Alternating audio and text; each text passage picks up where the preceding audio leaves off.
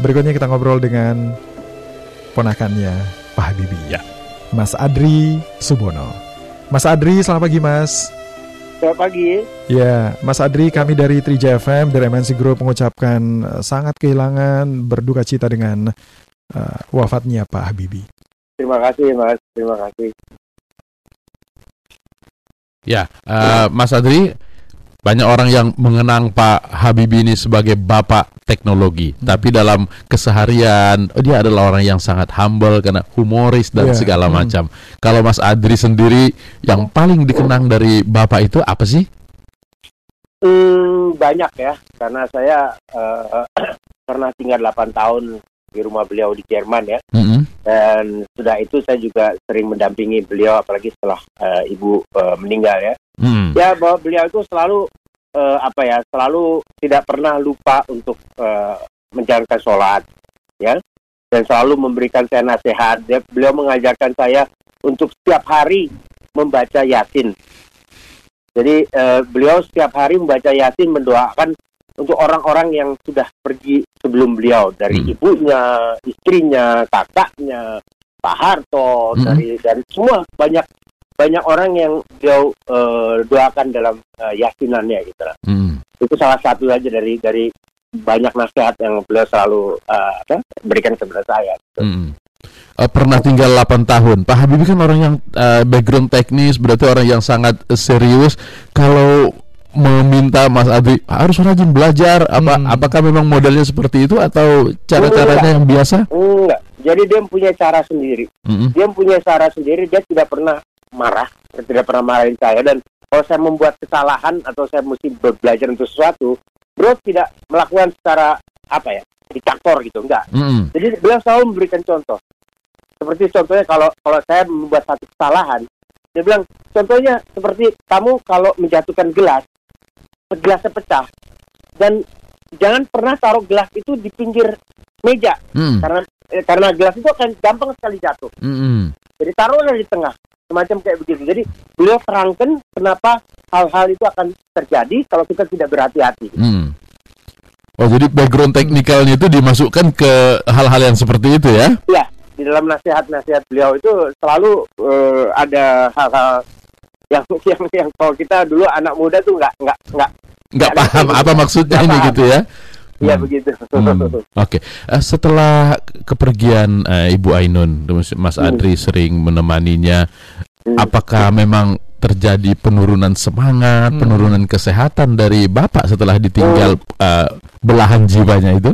Ya, apalagi ketika hari-hari beberapa waktu setelah ibu meninggal ya, kadang-kadang itu beliau ya beliau nangis. Mm-mm, Beliau kita lagi diam gitu, beliau menangis, bisa menangis gitu loh. mm-mm, dan mencari Ibu Ainun.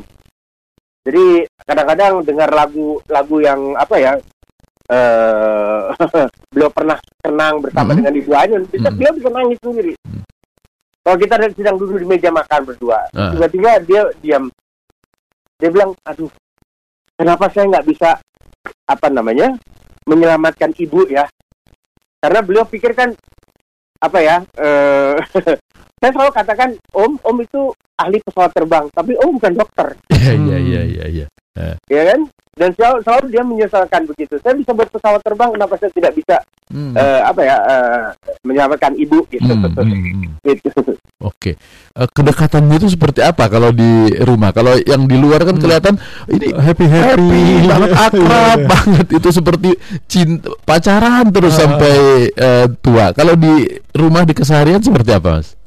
Oh, eh, Benar-benar itu kelihatan seperti pacaran dan emang benar terjadi. Eh. Dan bapak itu manja, Mm-mm. Ah, sangat manja ke ibu gitu loh. Kayak ya apa ya dengan segala hormat ke anak kecil gitu kadang-kadang ya. Oh, gitu. j- jadi pas Ibu Ainun uh, meninggal benar-benar kehilangan Ibu banget Ainun- Mas Adri ya. sangat sangat tergantung. Ibu Anun ya sebagai ibu suka ya ngomel sedikit ya gitu dan bapak nurut gitu loh. Hmm. Ya itu karena karena ya cintanya sayangnya kepada kepada Bu Ainun. Jadi bisa dibayangkan kan eh, bagaimana eh, kehilangannya Bapak Habibie. Dan sekarang sampai sekarang pun satu minggu setiap setiap Jumat beliau selalu ziarah ke tempat Berziarah. makam Ibu Habibie. Oh. Ibu Ainun. Wah, kadang-kadang bisa dua kali dalam seminggu gitu. Iya, Oh jadi itu setelah rutin. se- setelah tiap hari 100 hari pertama itu Aha. setelahnya rutin eh, Rutin.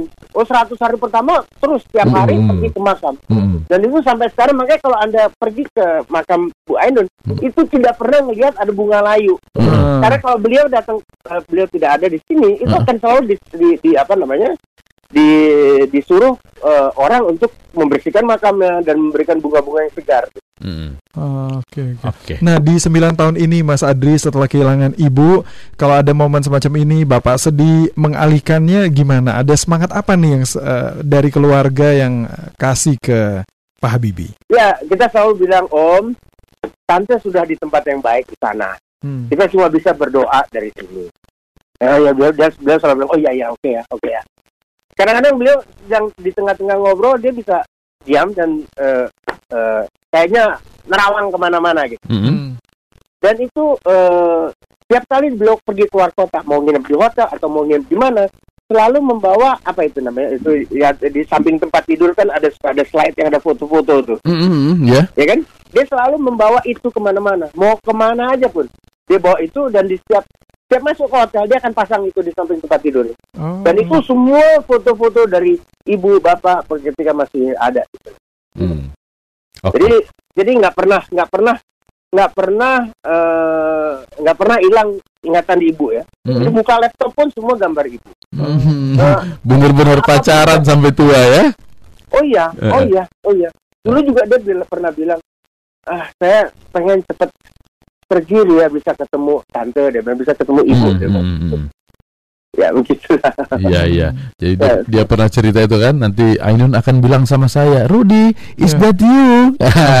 Jadi memang dia sangat siap untuk eh, menyambut kematian ini. Baiklah, Ya. Mas Adri Subono. Ya. Sekali lagi kami Ya. turut berduka. Mudah-mudahan kenangan-kenangan baik kita kepada Pak Ya, Habibie ya, kita ya. ingat terus sampai nanti Terima ya. kasih, terima Baik. kasih. Terima Selamat kasih Mas pagi, Adri. Mas. Selamat pagi. Terima kasih, selamat pagi. Itu Mas Adri Subono, ponakannya Pak Habibie ya. Iya.